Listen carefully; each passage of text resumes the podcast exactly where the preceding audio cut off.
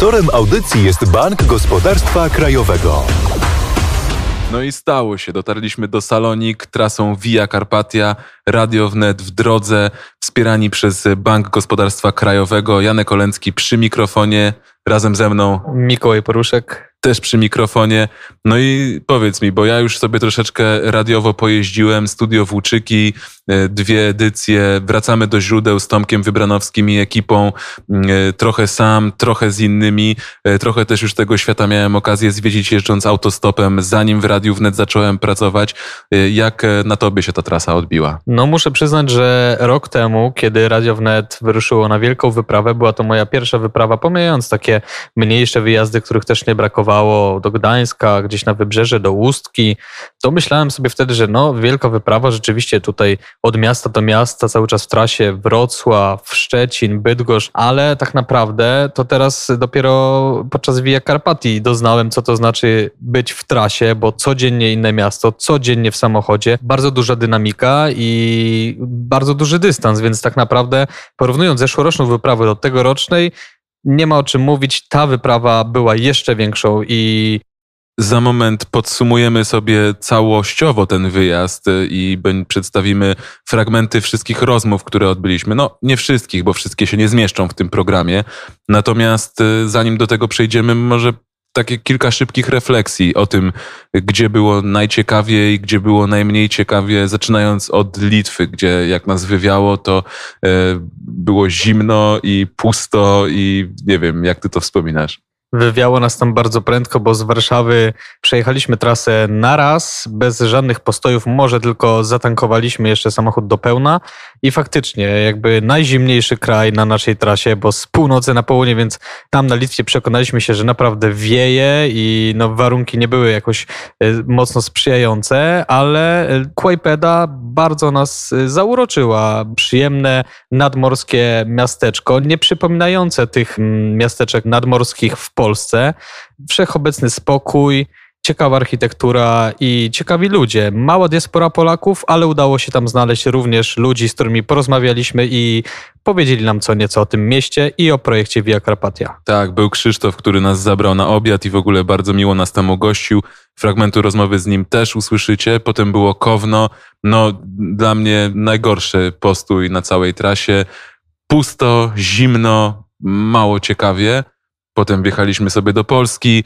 W Polsce, no to wiadomo, bo to nasz rodzimy kraj, nasza ojczyzna, więc może nie ma za bardzo czego podsumowywać. Chociaż mnie osobiście bardzo spodobało się i zaciekawiło Krosno, które no, w ogóle nie słyszałem, szczerze mówiąc, o takim mieście wcześniej. Małe, górskie miasteczko tuż przy granicy ze Słowacją. Po drodze minęliśmy zamek, gdzie też zrobiliśmy sobie kilka zdjęć, zrobiliśmy wejście z trasy.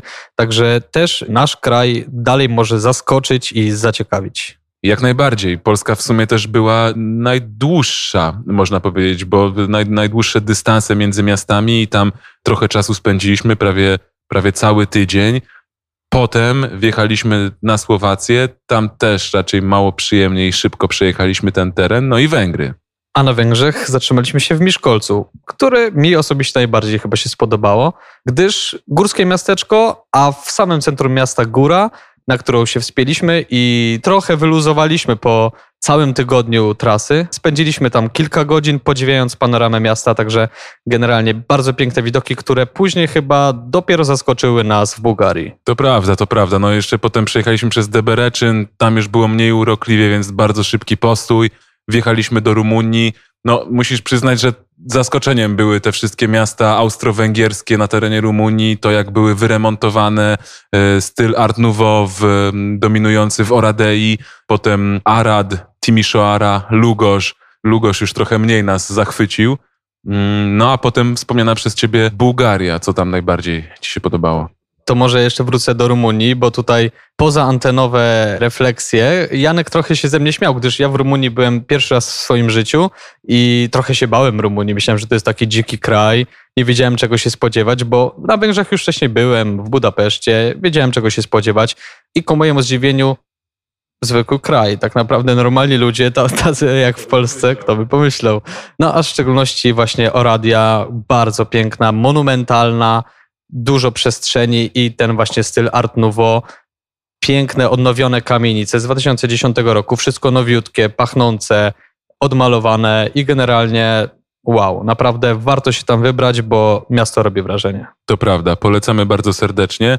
Po Rumunii była Bułgaria, byliśmy w Widyniu, tam nadaliśmy audycję Solarium i rzeczywiście tam już nas przywitało południowe słońce, było gorąco. E, Weekend spędziliśmy w Sofii i tam rozpoczęliśmy trzeci tydzień naszej wyprawy. I tu również Janek miał okazję rok wcześniej być y, już w Sofii, robiąc program Studio Włóczyki. Ja tą stolicę europejską odwiedziłem pierwszy raz w życiu i również zaskoczyło mnie bardzo pozytywnie. Pomimo niesprzyjających warunków atmosferycznych, bo jeżdżąc samochodem w centrum miasta, w 30 stopniach jest ciężko. Z drugiej strony były też burze przez cały weekend i deszcz padał, więc taka zmienna pogoda, no... Ale miasto samo sobie ma dużo do zaoferowania. O tym też będziemy później mówić i to będziemy przedstawiać w dalszej części podsumowania, kiedy będziemy emitować fragmenty rozmów, które odbyliśmy. Z Sofii pomknęliśmy do Błagojewgradu, mieliśmy okazję wybrać się poza miasto nad jeziorko, poczucie, jakbyśmy byli trochę w takiej nieodkrytej Szwajcarii. Miałeś coś takiego? Tak, i to też znowu te góry wokół jeziora, więc takie doliny. W ogóle do, Dolina Dunaju wcześniej też na nas robiła mega wrażenie. Jadąc na granicy rumuńskiej do Bułgarii, podziwialiśmy te piękne widoki, przejeżdżaliśmy przez tunele i później również w Bułgarii wspaniałe widoki, czegoś, czego w Warszawie nie da się tak doznać dopiero jadąc gdzieś tam właśnie w rejony Krosna, gdzie też na nas to zrobiło wielkie wrażenie. No, piękna sprawa, generalnie Bułgarzy, można im tego pozazdrościć, tych właśnie górskich terenów, tych połaci, tych pięknych przestrzeni i widoków. No i w Bułgarii na pewno najlepsze jedzenie na trasie do, do tej pory, y, do momentu dotarcia tamże. Potem byliśmy w tym Błagojewgradzie, o czym też już wspominaliśmy. No i potem już Grecja, coraz większy skwar, coraz cieplej, no ale już y, coraz bliżej celu. Teraz jesteśmy w Salonikach, no no. No, generalnie chciałem właśnie powiedzieć, że można by pomyśleć, że trasa północ-południe, Litwa, Grecja, przecież to jest tak niedaleko siebie. Przecież to nie jest tak naprawdę długa trasa. Niektórzy z Polski do Chorwacji jadą na raz. To jest podobna trasa. Ale warunki, jak, jak, jak zmieniają się warunki od Litwy do Grecji, przekonaliśmy się na własnej skórze, zakładając jeszcze na Litwie zimowe kurtki, teraz już same koszulki, chodzimy cały czas w klapeczkach, no jest bardzo gorąco. No i też to czuć, to czuć jakby na granicy polsko-słowackiej, jakby nie odczuwa się tak w ogóle, że przejeżdża się do innego kraju, ale już z Rumunii do Bułgarii, z Bułgarii do Grecji już widać, widać te różnice i naprawdę poczuliśmy przejeżdżając do Grecji, no jesteśmy w Grecji, jest widoczna zmiana w architekturze, widać te e, wszechobecne baldachimy, e, no, nie wspominając, że tempo pracy było dosyć e, zabójcze. Codziennie inne miasto, codziennie inny hotel, od miejsca do miejsca, via Carpatią. Jechało się raz sprawniej, raz mniej sprawnie, w zależności od przygotowania dróg w danym państwie. No ale udało się dojechać. Da się Via Carpatią w takim kształcie, jaki ona ma teraz przejechać, choć życzylibyśmy sobie, żeby e, już wszędzie, tak jak na Węgrzech, które e, warto podkreślić, że już swój odcinek drogi mają ukończony, dało się jechać autostradą od Kłajpedy do Salonik, w których znajdujemy się teraz i stąd nadajemy ostatnie, trzecie podsumowanie, całościowe podsumowanie trasy Radia Wnet po Via Carpati wspieranej przez Bank Gospodarstwa Krajowego. Tak więc już za moment zapraszamy na podsumowanie po kolei od miasta do miasta części rozmów, które odbyliśmy na trasie i troszeczkę tego, co mieliśmy okazję zobaczyć, co mieliśmy okazję usłyszeć też od naszych rozmówców na temat Via Carpati, co o niej wiedzą, a czego nie. Via Carpatia. Sponsorem audycji jest Bank Gospodarstwa Krajowego. Projekt Via Carpatia rozpoczęliśmy wraz z Mikołajem Poruszkiem w litewskiej Kłajpedzie. Ciche, spokojne miasto nad brzegiem Bałtyku o pruskiej zabudowie, zamieszkiwane przez Litwinów, ale i sporą mniejszość rosyjską. W mieście jest spory port, ważne miejsce komunikacyjne, z którego głównym towarem wypływającym w świat był do niedawna nawóz z Białorusi. W drugą stronę Towary sportu docierają do państw europejskich trasą Via Carpatia, a także Via Baltica. W Kłajpecie poznaliśmy Krzysztofa, górala, który zawsze marzył, aby żyć nad morzem i stało się. Osiadł na Litwie z żoną Litwinką, pracując w Holandii przy projektach związanych z infrastrukturą morską. Opowiedział nam o kondycji Kłajpeckiego portu, a także drogi, którą niebawem mieliśmy wyruszyć do Kowna. Niestety, odkąd mamy na wschodzie to całe zamieszanie, embargo, na, na, na produkty z Białorusi. No niestety port moim zdaniem pada. Nie ma, przede wszystkim port zarabiał bardzo duże pieniądze na raz. Litwa zarabiała duże pieniądze na transporcie kolejowym, litewskimi wagonami czy lokomotywami szły nawozy właśnie z Białorusi do, do Kłajpedy. Tutaj to było ładowane na statki. Teraz tego nie ma. Z tego co słyszałem, to co ludzie tutaj mówią, y, dużo osób właśnie z kolei litewskich zwolniło swoich pracowników, także port też zwalnia pracowników ze względu na brak przeładunków. My dzisiaj będziemy z Kłajpedy jechać do Kowna. E, Jak ta droga wygląda z twojego doświadczenia? No, Ten odcinek do Kowna co rusz jest y, remontowany. No akurat w tym roku nie wiem, może ze względu na jakieś ograniczenia finansowe. W tym roku poza jednym kawałkiem mm, już praktycznie w samym Kownie nic się nie dzieje. Były robione re- remonty wiaduktów. Mówię, to co skończyli powiedzmy jakiś rok temu, nowe odcinki nie są, nie są remontowane. Aczkolwiek droga jest no całkiem, całkiem przyzwoita. No wręcz dobra. Mimo optymizmu Krzysztofa, autostrada łącząca Kłajpedę z Kownem nie była najlepszej jakości z uwagi na wiek.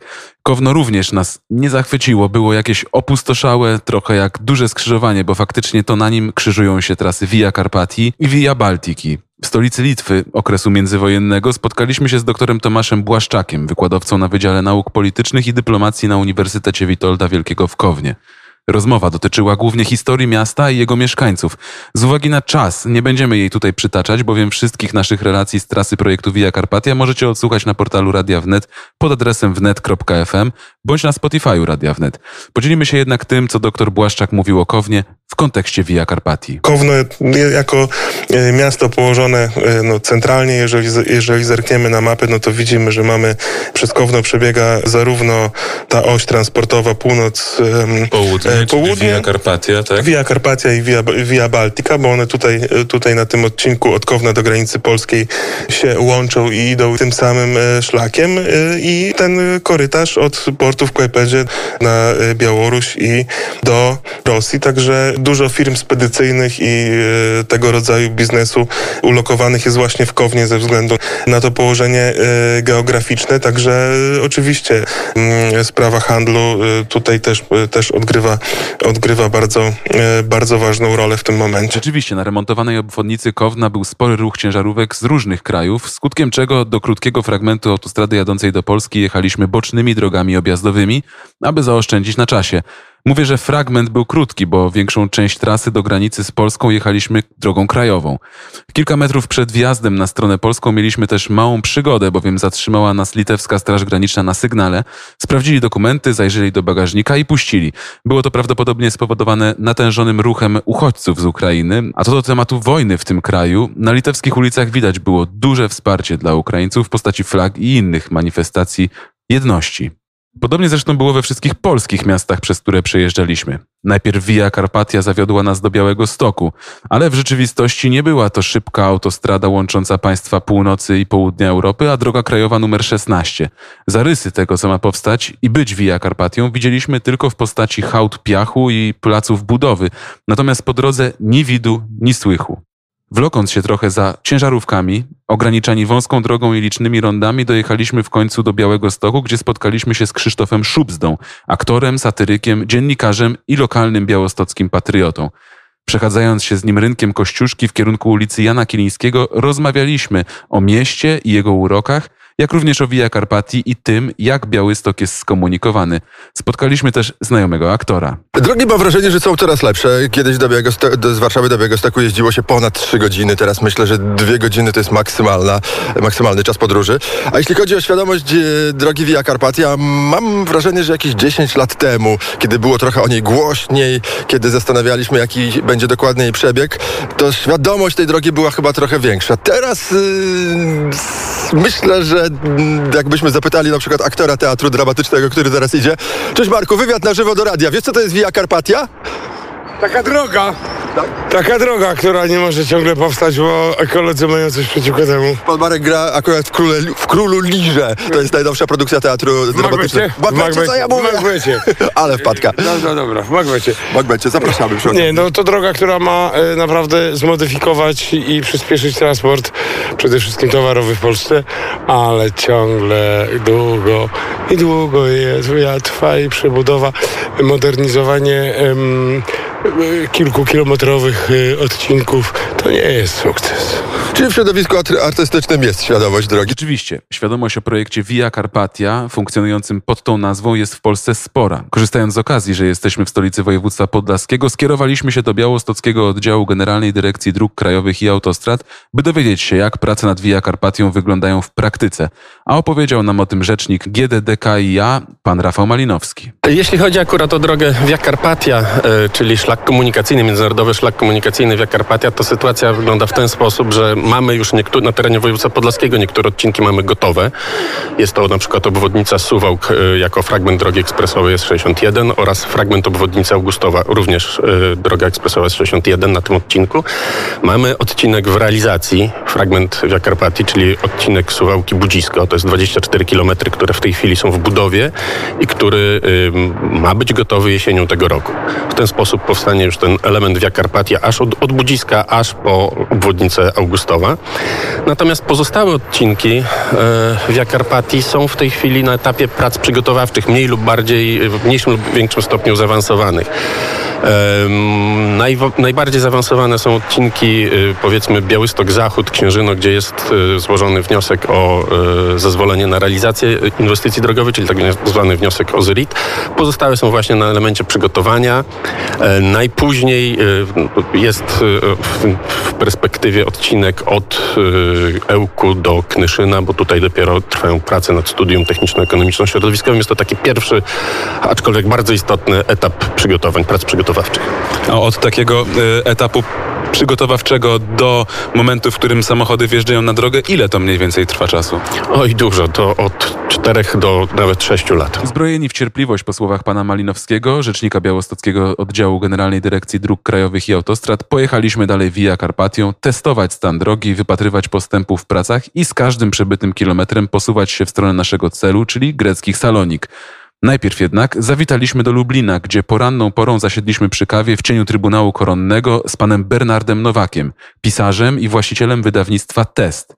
Mi Mikołajowi człowiek ten niebywale kojarzył się z takim archetypem wręcz pisarza, literaty. Rozmowa kluczyła wokół wspomnień dawnego Lublina i jego ducha. Mówiliśmy też o tym, jak to miasto się zmieniło. Było i kilka wątków, nazwijmy je życiowo-filozoficznymi. To wszystko w całościowym nagraniu rozmów na wnet.fm. Tymczasem tu przytoczymy, co autor wyborów duchowych miał do powiedzenia o drodze, którą zmierzaliśmy. Przyglądamy się temu z życzliwością i z zainteresowaniem, wiedząc jak to jest ważny projekt, bo jeśli to się da zrealizować, to przecież będzie to przeciwwagą dla, dla Zachodu i dla e, dominacji e, tych dwóch głównych państw. Ja mam tego świadomość, czyli Niemiec i, i Francji. I myślę, że e, także, gdy pan nawiązał do dzisiejszej sytuacji, ociąganie się Niemców i Francuzów w sprawie wspierania Ukrainy ma w, w podglebiu tę świadomość, że, że możemy stać się dla nich pewnym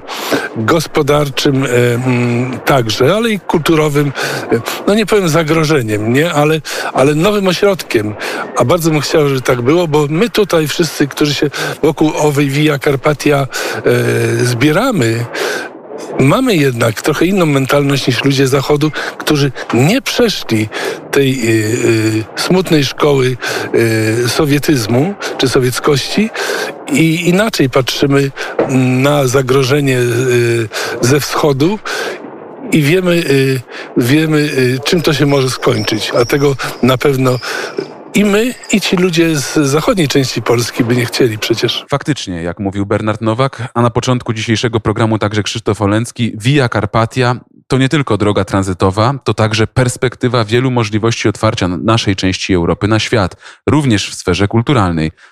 Po miłej rozmowie przy kawie na lubelskim rynku ruszyliśmy ulicami miasta dowiedzieć się, co oni, zwykli obywatele, wiedzą o drodze karpackiej. Oto, co nam powiedzieli. To jest taka autostrada, która jeszcze jest, znaczy już prawie jest, a jeszcze nie dokończona. To wiem, że jest autostrada i tyle. To droga łącząca Mazury z południem Polski. Droga szybkiego ruchu. To jest ta trasa, która prowadzi aż do Morza Śródziem Czarnego, Śródziemnego. No i się cieszymy, że taka będzie. Jest to droga albo ekspresowa, albo autostrada prowadzona od Litwy, łącząca tutaj Białystok, Lublin, aż pod Podkarpacie. To jest trasa prowadząca do wielu krajów, tak? No, nowa trasa na Podkarpaciu. Trasa drogowa łącząca dół z górą. To znaczy południe z północą. Ja uważam, że to jest bardzo, bardzo słuszna decyzja, że rząd to robi i i że to powinno być jak najszybciej skończone i to przyniesie wielkie korzyści dla naszego kraju. No dobrze, no bo będziemy przynajmniej się szybciej jeździć. No. Łatwiej będę miał na przykład dojeżdżać z Lubna do Rzeszowa. Jeszcze jak zrobią Niedźwice, to już będzie w ogóle super. Teraz godzinę się jedzie z Rzeszowa do Lublina, a przedtem dwie i pół. Oczywiście, że jest dobry pomysł i powinniśmy ją kończyć. To jak się pan dostanie z ma na Mazury e, zwykłym autobusem ciężarowym, to jest graniczy czasami z cudem. Jak są, są korki, nie korki, to jest po prostu katastrofa. A to na pewno usprawni i odciąży lokalne drogi. Chyba ma to sens. Te drogi na zachodzie są troszkę daleko od nas, nie? Uważam, że to jest korzystne dla, dla Polski. Będziemy sobie mogli taką luksusową trasą jechać, a nie przez ogródki. Ciążenie ruchu jest tutaj bardzo ważne, bo przynajmniej nie będzie korków i łatwiej dojechać, gdzie się chce. Na te wczasy nawet można swoim samochodem pojechać, prawda? Moim zdaniem to jest bardzo dobre połączenie między innymi państwami. Szybki dojazd do celu, a nie tłuc się po ulicach, tak jak u nas w Polsce są co niektóre. No na pewno drogi są potrzebne, nie ulega wątpliwości, że są potrzebne. Tylko, że kiedy to będzie wykonane i, i to jest najważniejsze, no. Ułatwi to wszystko transport przede wszystkim. I ważna jest też cena, bo w obecnym czasie to nie wiadomo kto co jak. Znamy takie przypadki, że są spółki i gdzie te pieniądze na Viva Carpatie mogłyby śmiało pójść, no to buduje się lotnisko, gdzie nic nie powstaje oprócz trawy. Trzeba brać pod uwagę też y, oczywiście przyrodę, no, no, jak najbardziej, ale no, jakoś trzeba się rozwijać, prawda? Zwłaszcza nasze państwo, które byliśmy przez tyle lat trochę opóźnieni. Myślę, że dla transportu międzynarodowego ta droga jest potrzebna, jakkolwiek by ona nie szła. A ekolodzy to są, to są zawsze ekolodzy, zawsze mają swoje jakieś racje. Nie zawsze te racje są racjami takimi słusz, najsłuszniejszymi ze słusznych. Zawsze można jakoś e, dopłacić, jakoś wykombinować, żeby nie trzeba było ciąć innych drzew. Via Carpatia kojarzy mi się z tą głupią drogą, którą otworzyli. Dlaczego głupią? Bo się nazywa głupim prezydentem. Okej. Okay. Czy to potrzebny projekt? Jako droga na pewno potrzebny, jak najbardziej. Nie bardzo wiadomo, o co chodziło ostatniemu przechodniowi, którego wraz z Mikołajem Poruszkiem zapytaliśmy o Via Carpatia, ale pewne jest jedno. Na tym etapie w Polsce mieszkańcy Lublina mniej więcej wiedzieli, o co chodzi i pozytywnie odnosili się do całego projektu. Jak się przekonacie później, w dalszych krajach na trasie nie było to takie oczywiste. Z Lublina wyjechaliśmy wczesnym popołudniem w kierunku Rzeszowa i dalej do Krosna, gdzie mieliśmy spędzić piątek. Droga na tym odcinku była wręcz świeżo położona i jechało się jak marzenie. Ostatni 20-kilometrowy odcinek drogi ekspresowej S19 między Niedrzwicą Dużą a Kraśnikiem oficjalnie otwarto dosłownie półtora dnia po naszym przejeździe. Był to ostatni fragment szlaku Via Carpatia między Lublinem a Rzeszowem. O tym rozmawialiśmy z marszałkiem województwa lubelskiego, panem Jarosławem Stawiarskim. My jesteśmy kluczowym województwem. Jeśli e, sieć autostrad dochodzi do województwa lubelskiego przez całe województwo lubelskie, stąd mamy już e, Eski stronę Eski i drogi krajowe w stronę granicy e, z Ukrainą, no to jest to kluczowe, bo pamiętajmy, że przez nas płynie i przez województwo podkarpackie, które ma swoją autostradę A4, biegnie szlaki zaopatrzenia. Do Lizbony już dojedziemy z województwa lubelskiego bezkolizyjnie, a do Salonik jeszcze poczekamy, bo Słowacy trochę się opierają, trochę Rumuni, trochę Bułgarzy, ale mam nadzieję, że wspólna ta deklaracja wtedy czterech państw z 2006 roku, kiedy to prezydent Lech Kaczyński e, razem z czterema ministrami e, transportu, infrastruktury czterech krajów, Litwy, e, Litwy, Słowacji, Węgier, podpisał tą, tą deklarację łańcuchową, staje się faktem i dla nas, dla mieszkańców Lubelszczyzny ta droga powoduje, że wstępujemy na wyższy poziom, na wyższy poziom rozwoju gospodarczego, wyższy poziom cywilizacyjny, a w kontekście wojny na Ukrainie, to co pan powiedział, w kontekście pomocy Ukraińcom, ta droga nabiera dodatkowego znaczenia, bo rozszerza szlaki zaopatrzenia na inne moż- możliwości przejść granicznych w województwie lubelskim. Mówił marszałek województwa lubelskiego Jarosław Stawiarski. A sam Lublin jest i był faktycznie kluczowym w historii punktem na szlakach handlowo-komunikacyjnych. Musieliśmy jednak zostawić to piękne miasto i zameldować się w Krośnie. Tam poznaliśmy nieco tajemniczego i mistycznego właściciela lokalnego antykwariatu i galerii Hetta, pana Zbigniewa Oprzątka, który w kontekście Via Carpati trochę żalił się, że jej trasa przebiegać będzie przez krajobraz, na który na co dzień rano i wieczorem patrzy ze swojego tarasu. Teraz są tam piękne lasy i pagórki, a w przyszłości co będzie? Pan Obrządek jest optymistą i liczy, że cała infrastruktura w swej architekturze jednak ładnie się wkomponuje. Siedząc na krośnieńskim rynku, obserwowaliśmy także przygotowanie do 19 Międzynarodowego Samochodowego Wyścigu Górskiego Przątki Valvoline. Tu złapaliśmy do mikrofonu panią Agnieszkę Szelc z Automobil Klubu Małopolskiego Krosno, organizatora wyścigu, z pytaniem, co miłośnicy motoryzacji mówią o Via Carpati. Jeśli chodzi o tą drogę, którą budują, ponieważ akurat y, znam osoby, które angażują się w samą drogę, w jej budowę, ale o jakiego takim waszym projekcie niestety niewiele. No, o naszym projekcie to jeszcze będzie głośno kiedyś, mam nadzieję. A co te osoby mówią, te, które pracują przy, przy tworzeniu tej drogi, które budują? Liczę na to, że już niedługo się uruchomi i że łatwiejszy będzie kontakt z Krosnem y, dla, dla reszty Polski. I dla reszty świata, bo to w końcu droga, która będzie łączyła Kłajpedę na Litwie z Salonikami w Grecji. Krosno jest gdzieś, e, patrząc tak geograficznie, mniej więcej w połowie nawet tej trasy, jakby nie patrzeć. No może nie, może w jednej trzeciej licząc od, od Litwy, albo w dwóch trzecich licząc od Grecji, więc może wtedy greccy turyści będą też wpadać tutaj e, na wyścigi. Myślę, że jeżeli o turystów chodzi, to powinni odnotować Krosno na mapie swoich planowanych wypraw, bo jest to bardzo urokliwe miasto, a przede wszystkim w centrum oszałamiającej natury Beskidu Niskiego i okolic. Tęskniąc już w momencie wyjazdu, udaliśmy się ku granicy polsko-słowackiej. Sama Słowacja jakoś nas nie zachęciła swoimi urokami i nie spędziliśmy tam nawet doby.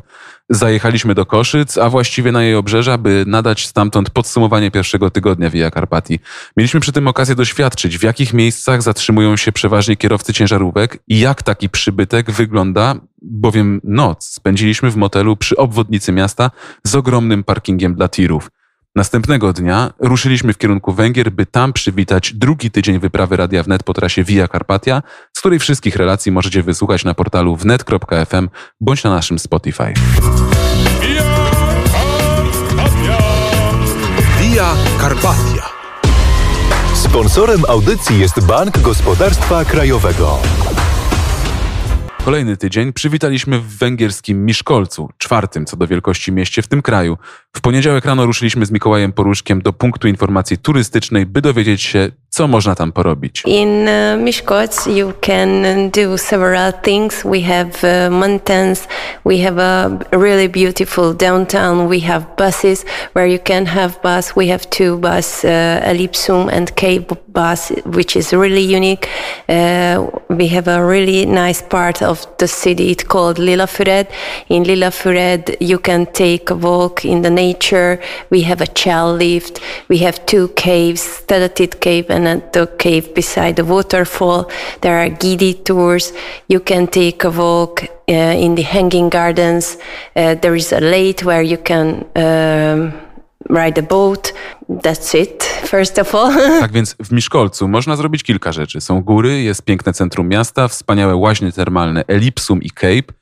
Jest także piękna część miasta zwana Lila Foret, gdzie można podziwiać naturę. Są dwie jaskinie przy wodospadzie, wycieczki z przewodnikiem po wiszących ogrodach i piękne jezioro, po którym można popływać łódką.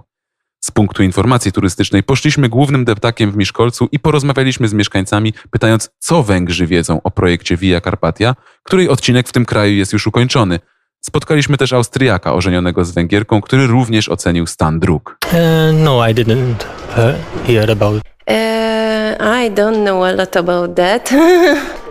I think the roads they, they could be better, but in general, Miskolc is uh, quite a nice little city, and uh, for me, well, I have to say that because my wife is from here, of course. Jak słyszeliście, choć węgierski odcinek Via Carpati jest już ukończony, a od granicy słowackiej do Rumunii można przejechać nowiutką autostradą, mieszkańcy Miszkolca niewiele wiedzieli o tym projekcie. Z kolei poznany Austriak, który porównywał zapewne drogi na Węgrzech do warunków na drogach austriackich, stwierdził, że mogłoby być lepiej. Ruszyliśmy zatem dalej, z krótkim postojem w Debereczynie, mieście, w którym 14 kwietnia 1849 roku Lajos Kossuth proklamował niepodległość Węgier. Pomknęliśmy dalej do Rumunii. Po drodze zatrzymaliśmy się jeszcze na moment na stacji benzynowej, by zapytać polskich kierowców ciężarówek Marcina i Pawła, co sądzą o Via Carpati i jak, jako ludzie dosłownie pracujący na tej drodze, oceniają jej postępy. To jest droga łącząca yy, połud- północ z południem. Przejeżdżasz tą trasą? A zdarzy się. A gdzie teraz jedziecie? Teraz jedziemy na Rumunię. Skąd? Yy, ja załadowałem się w Polsce. Kolega załadował się też w Polsce. Z Polski na Rumunię. I y, jak wyglądają drogi na tej trasie, którą przemierzaliście do tej pory? No jeśli mam być szczery, to Słowacja to tam szału nie ma. Nie ma nie wiadomo jak dróg porobionych. Węgry już są gotowe. Cały czas Węgry jedziemy autostradą. No Rumunii widać, że faktycznie cały czas coś tam robią, cały czas się to wszystko przesuwa do przodu, że autostrady się nowe pojawiają, ale to niestety jeszcze nie mają tam wszystkiego gotowe i trzeba krajówkami jeździć. A ty, Paweł, jakie masz zdanie na ten temat? Drogi jak drogi. Na południu dużo landówek. Polska coś tam robią, do Lublina praktycznie otwarta cała. A co Słowaki to kiepsko. Wąskie te drogi kręte. Ciężko się jedzie Słowaka. Węgry już są gotowe, można by powiedzieć. Dalej w Rumunii coś tam się dzieje, a jeździłeś dalej w stronę Bułgarii, Grecji, tam gdzie my zmierzamy? Ja dwa razy tylko jedynie byłem na Grecji. No to Grecji i przez Bułgarię. I jak to tam wygląda? Tam dość, dość spore górki w kierunku Sofii.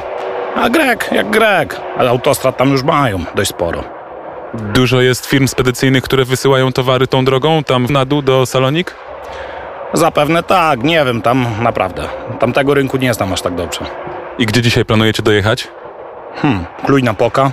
Kolega dojedzie troszkę w, bardziej na północ Rumunii. Ja bardziej centralną część. Mówili Marcin i Paweł, polscy kierowcy ciężarówek. My tymczasem dotarliśmy tego dnia do rumuńskiej Oradei, która niebywale nas zaskoczyła swoim pięknem i natłokiem cudnych, zdobionych budowli w stylu Art Nouveau. O tym opowiedziała nam następnego dnia Sonia, z którą przespacerowaliśmy się po ulicach miasta. Jest ona przewodniczką i prawdziwą miłośniczką architektury, więc w dużym detalu opowiadała o zamożnych Żydach, którzy przed wojną, podróżując, inspirowali się zachodnimi stylami i przenosili te inspiracje na grunt dziś rumuński, a dawniej węgierski, gdyż Oradea była właśnie miastem należącym przez większość swojego istnienia do tego państwa. Do dziś zresztą ponad połowa mieszkańców mówi po węgiersku. Jest też węgierska szkoła, a ponadto Oradea to miasto wielokulturowe i wielowyznaniowe. Przy samym rynku stoją kościół katolicki, ortodoksyjny, prawosławny i synagoga.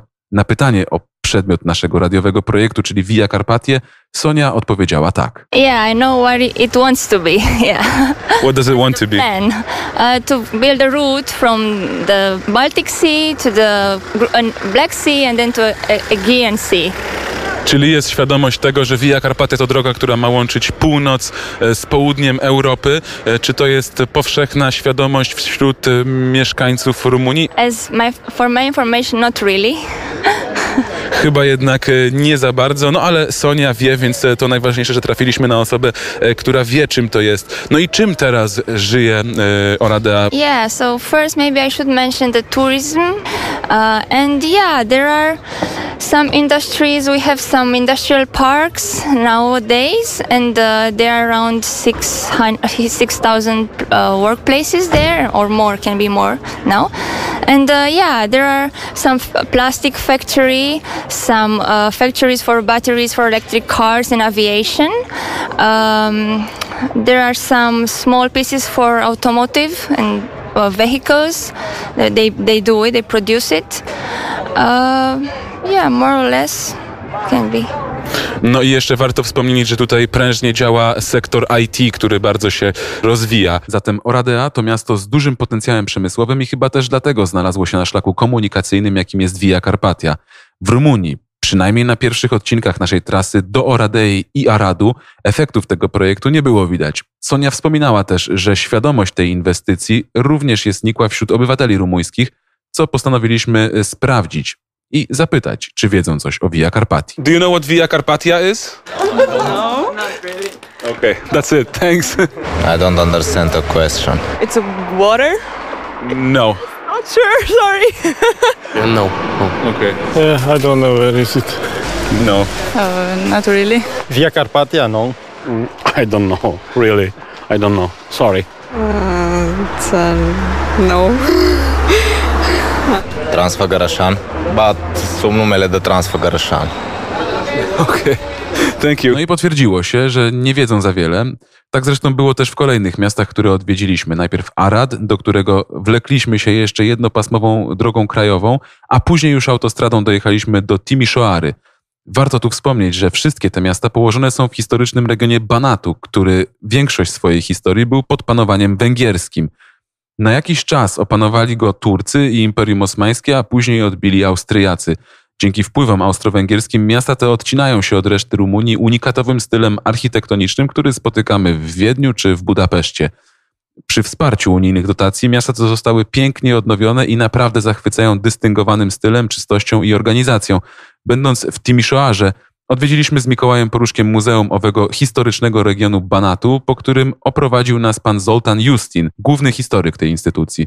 Opowieści o historii Timisoary i e, Banatu możecie w całości posłuchać na wnet.fm i Spotify'u Radia Wnet, a jako że teraz podsumowujemy całość naszej trasy po jej ukończeniu, skupimy się jedynie na zdaniu naszego gościa względem projektu Via Carpatia. Yes, yes, I know this project is a very interesting project and and also yes, the, the Tak, tak, znam ten projekt. To bardzo interesujący i ważny pomysł, szczególnie w kontekście Timisoary, która przy Via Carpatii leży i jest świetnym punktem strategicznym na tej trasie. important route way in Europe, but uh, unfortunately No, ale niestety budowanie autostrad w Rumunii dzisiaj jest utrudnione przez złych polityków. Choć odcinek autostrady z Arad do Timisoary już działa. good ones and in this point of the construction of the highways they have remained very in the past but it is only a part of a construction be- between Timisoara it it is a highway between Timisoara and Arad We drove it yesterday. yes yeah, and but you need to build highway Moravice Moim zdaniem powinno się jednak szybko zbudować odcinki łączące Timisoarę z Morawiką na granicy z Serbią i z Aradu do Santu Mare na północy kraju. Szczególnie, że te tereny są płaskie i nie jest to trudne przedsięwzięcie zbudowanie takiej drogi. No ale niestety przez działania polityków sieć autostrad wciąż nie jest rozwinięta. Mówił Zoltan Justin z Muzeum Regionu Banatu w Timisoarze. Jak słychać, to nie brak woli ludzi opóźnia w Rumunii pracę nad rozbudową Via Carpatii w tym kraju, a politycy uwikłani w korupcję i swoje interesy. Z Temeszwaru pojechaliśmy do Lugorza, czwartego i ostatniego miasta na trasie po drodze karpackiej Radia Wnet. Było to też najmniejsze z czterech rumuńskich miast, które odwiedziliśmy i zdecydowanie najbardziej zaniedbane. Tu również dostrzegliśmy austro-węgierską przeszłość miasta, ale z pewnością nie w takim blasku, w jakim to było w Oradei, Aradzie, Timisoarze. W Lugorzu Mikołaj Poruszek sam wyruszył na ulicę z mikrofonem zapytać mieszkańców o Via Carpatie, gdyż ja byłem zobowiązany pracą nad tłumaczeniem słyszanej wcześniej rozmowy z Zoltanem Justinem. Oto co usłyszał. Via Carpatica. Via Carpatica. This is a movie? Uh, no. Are you filming me? No. Uh, I have no idea now. Why? No. No, no, no, no. It's a road who connects different places from uh, Romania. And not only Romania, also Poland, Ukraine, uh, and uh, Bulgaria, Serbia, Bulgaria, something like this. Uh, water? Via Carpatia, no. I don't know. Via Carpatia uh, is um, bank. Uh, Via Carpat? Uh, It's uh, the centru in uh, the dreapta, pula. R- r- r- road, yeah, road. yeah, yeah. And uh, gara, you know gara. Uh, t- pula mea. Tramwaj. Zatem podobnie jak w pierwszym rumuńskim mieście naszej wyprawy, tak i w ostatnim, w Lugorzu, niewiele spotkani Rumunii słyszeli o trasie, którą zmierzaliśmy z Kłajpedy do Salonik, badając jak wygląda i co można spotkać w miastach przy niej leżących. Dalej czekała nas Bułgaria, do której dotarliśmy w piątek po południu. Na granicy rumuńsko-bułgarskiej napotkaliśmy straszne, ponad 10-kilometrowe kolejki do przejścia i kontroli. Nie byliśmy już bowiem na terenie Schengen, choć wciąż w Unii Europejskiej. My z Mikołajem, trochę z niewiedzy, a trochę z wrodzonego cwaniactwa, minęliśmy cały korek, dojeżdżając wolnym pasem aż na sam początek, gdy okazało się, że powinniśmy byli czekać. Uratował nas ciemnoskóry jegomość w czapce z daszkiem, okularami przeciwsłonecznymi i piwem w ręku, jeżdżący na rowerze od samochodu do samochodu, zaczepiający zmęczonych staniem w korku kierowców. Pomógł nam się wcisnąć na sam początek za co policzył sobie 5 euro. Nie mieliśmy żadnej gotówki, ani nic szczególnego, co moglibyśmy mu dać. I to go rozłościło i zrobiło się na moment dosyć nieprzyjemnie, no ale na szczęście zaraz wjechaliśmy na granicę, zostaliśmy odprawieni i już byliśmy w Bułgarii, do której wjeżdża się mostem zbudowanym w 2013 roku nad rzeką Dunaj. Przyjemność ta warta jest 6 euro, można zapłacić kartą. Pierwszym przystankiem w Bułgarii było miasto Widyń, skąd nadaliśmy audycję muzyczną Solarium, a na weekend wyruszyliśmy do stolicy Sofii. Via Carpatia. Sponsorem audycji jest Bank Gospodarstwa Krajowego. Sofia była jedyną europejską stolicą na naszej trasie. To też zresztą miejsce, które Radio Wnet odwiedzi ponownie już 8 czerwca w ramach projektu Bukaresztańska Dziewiątka. Prezes Radia Wnet Krzysztof Skowroński pojawi się tam, by odbyć rozmowy z ważnymi przedstawicielami bułgarskich władz i polskimi reprezentantami dyplomatycznymi.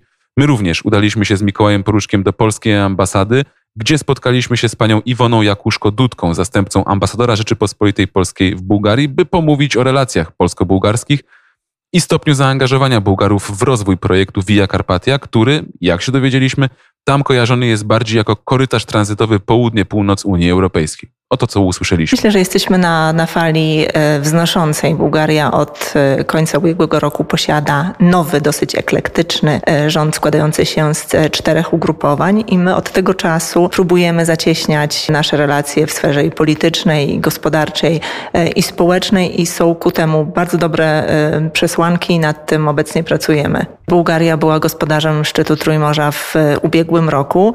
Doskonałe forum biznesu towarzyszyło również spotkanie E, politycznym i czujemy, że projekt trójmorski jest bliski bułgarskiemu sercu. Mamy szereg inicjatyw, które generuje strona bułgarska, chociażby w sektorze małych, średnich przedsiębiorstw, czy też e, gospodarki e, wodorowej, gdzie jest potencjał rozwoju. Pamiętajmy też, że Bułgaria kontrybuje do Funduszu Trójmorza. Jaki jest stosunek Bułgarów do Via Carpatii? Bułgaria jest częścią e, tej inicjatywy, ponieważ e, przystąpiła do konkretnych e, dokumentów programowych, natomiast na poziomie rozpoznawalności medialnej czy też publicznej ten projekt tutaj nie istnieje to jest coś, nad czym e, wszyscy powinni pracować. Myślę, wszystkie państwa, które uczestniczą w projekcie, ale też nasz, e, nasz rząd. I dlatego też ambasada zaangażowała się mocno w e, budowanie relacji pomiędzy naszymi resortami infrastruktury i mam nadzieję, że do spotkania ministrów infrastruktury dojdzie już wkrótce w Lublinie na marginesie forum, forum Trójmorza. Infrastruktura drogowa nie należy do, do najlepszych. Rzeczywiście Bułgaria ma swoje osie komunikacyjne, w układzie e, północ-południe i wschód-zachód. Natomiast to, czego naprawdę wymaga, to myślę, że też poprawa, poprawa nawierzchni, umocnienie ich, ale też poprawa e, komunikacyjności między większymi ośrodkami i to, co jest teraz ważne i to, co w mojej ocenie jako osoby obcokrajowca mieszkającej w Bułgarii jest ważne, to jest kłopot z dotarciem do tego całego bogactwa natury, który Bułgaria ma. Myślę tutaj głównie o, o górach, które są wspaniałe, nieodkryte. Ten kraj mógłby być naprawdę y, drugą Szwajcarią, tylko żeby to się stało, to zdecydowanie infrastruktura y, transportowa musi ulec zmianie. Ale jak obserwujemy działania tego, tego rządu, to ja jestem bardzo optymistyczna, jeśli chodzi o, o możliwości rozpoznanie potencjału tych zmian, bo prowadzone są prace dotyczące mm, korytarzy transportowych i drogowych. Tutaj jeszcze zrobię dygresję do Pana wcześniejszego pytania. Via Carpatia nie. Operują bardziej w nomenklaturze e, korytarzy europejskich. To, co jest dużym potencjałem rozwoju też dla relacji polsko-bułgarskich, to jest sektor kolei, gdzie Bułgarzy są zainteresowani naszym e, know-how.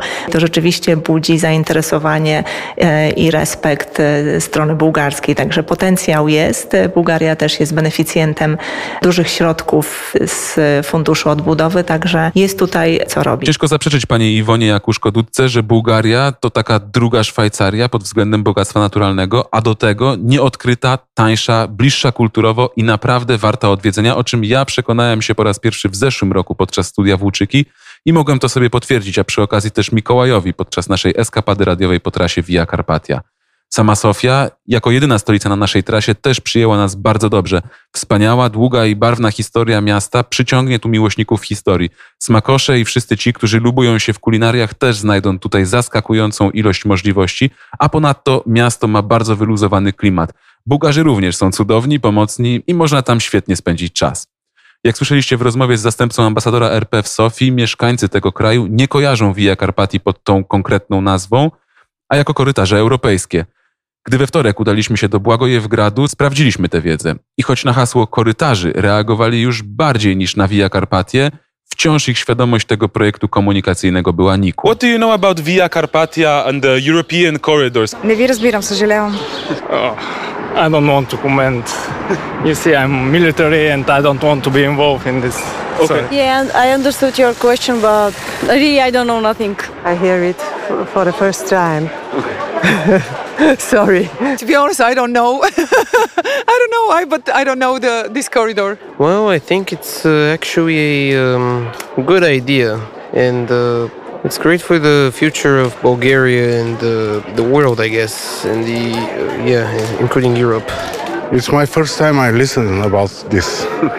So it's something new for me. I'm sorry. I cannot tell you, to be honest, man. I lived out of the country for the, most of my life, so cannot really tell you anything about it. She's not Bulgarian as well, so yeah. So sorry, I cannot help you. What would you recommend to do in Blagoevgrad? Uh, I do cycling mostly. Uh, go to Stage Bar. There is one bar with live music. I go there. What else? Uh, there is not much to do. Go to the movie. Go to the theater. Wander around. That's basically. Just get out of it.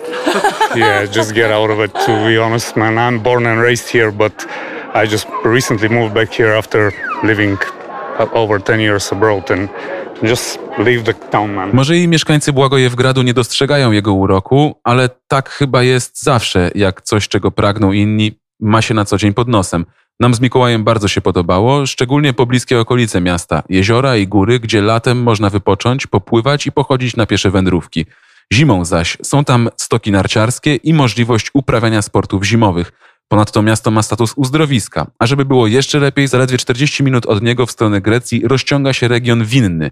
Małe mieściny, uprawy winogron pośród gór, przemili ludzie i kompletnie nieodkryte przez turystów miejsca, jak na przykład Melnik. Tam wpadliśmy na moment skosztować tego, co bułgarska zima ma najlepszego do zaoferowania, a rozmawiając z jednym z mieszkańców, bardzo był w cudzysłowie oburzony, że wpadliśmy tylko na chwilę i przekonywał, że do Melnika trzeba przyjechać na dłużej, po prostu, żeby się zrelaksować, popić lokalne wino, dobrze zjeść i odpocząć od trosk świata. Only in live 160 people. Only without tourists. It is very small town. It's too much wine, drinking, relax. This in the Melnik. Notice the quickly coming in here, go to the Greece. Why? Why go to the Greece? Uh, we have Stay in Melnik. Stay in Melnik. Coming next time, staying here. Maybe one hour, two hour, three hour. Look in the museum, look in the houses. meet inside the castle. Yeah. Okay. It's here for the up street. Possible to go to the castle. Okay. Drink wine, good food, good wine. This in the Melnik. Okay, we will check it out. Uh, we are on. We're doing a project called uh, Via Carpatia. Did you ever hear anything about this? Carpatia. Via Carpatia. Via Carpatia. Yes, like the corridor roads connecting Greece and the north. Yeah, yeah, yeah, yeah, yeah, yeah, yeah. Yeah. Okay. Thank you so much. See you. See you. See you next time. Ciao. Next time. Next time for sure. One, two, three. okay. Sleep one night here, drinking wine. Maybe ladies. Maybe. Thank you. Ciao. Bye. Bye. Mimo, że w Melniku byliśmy zaledwie 45 minut, żal było wyjeżdżać. Musieliśmy jednak dociągnąć Via Carpatią do naszego celu. Przed wjazdem do Grecji porozmawialiśmy jeszcze z Wojtkiem, kolejnym spotkanym kierowcą ciężarówki, który o pracy na drodze karpackiej mówił tak. Co mogę powiedzieć? No, na pewno to, że do ukończenia jeszcze długa, długa droga. Jak na razie tylko Węgry ukończyły y, swoją część projektu, y, część jakby tej Via Carpatii, która biegnie przez Węgry. Generalnie y, w sumie można powiedzieć, że Grecy też mają jakby ten odcinek gotowy, chociaż oni już go mieli przed rozpoczęciem tego projektu, bo to Via Carpatia właśnie ma bieg, ma biec do, do Salonik, No a od Salonik do granicy grecko-bułgarskiej już ten odcinek dwupasmówki jest. No. Gdzie planujesz dzisiaj dotrzeć? Zobaczymy jaka kolejka będzie do, do, do Grecji. No ale myślę, że e, myślę, że no dojadę do tego, e, do portu e, w miejscowości Igumenisa. No, od granicy greckiej mam tam jakieś 5 godzin jazdy, wydaje mi się, także no i stamtąd już na, na wyspę Korfu. Trzymamy kciuki, nie zatrzymujemy. Dzięki wielkie. Dziękuję, również miło było Was spotkać. A słuchasz Radia Wnet może? Kojarzę to radio, tak. Czasami, czasami, czasami wpadnie, no. No i wpadło Radio Wnet. Na Litwę, przez Polskę do Słowacji, na Węgry, do Rumunii, do Bułgarii, no i wreszcie do Grecji, jadąc trasą Via Carpati, wspierany przez Bank Gospodarstwa Krajowego. W Grecji przejechaliśmy przez Ceres i dotarliśmy finalnie do celu naszej podróży, do Salonik. No ale to już wiecie z wczorajszej relacji. Tak zamyka się historia o ostatnich trzech tygodniach kolejnej wyprawy Radia Wnet i o drodze karpackiej, która choć już się kształtuje na osi północ-południe Europy, jeszcze czeka swojego ukończenia. My z Mikołajem wracamy do Warszawy w poniedziałek, ale nasza ekipa z Krzysztofem Skowrońskim na czele będzie jeszcze krążyć po stolicach bukaresztańskiej dziewiątki. Tymczasem, jeśli spóźniliście się na nasze relacje na żywo z drogi, zapraszamy na wnet.fm i Spotify Radia Wnet. Tam wszystko znajdziecie i wszystkiego słuchacie. Odmeldowujemy się. Hej! Via Carpatia. Sponsorem audycji jest Bank Gospodarstwa Krajowego.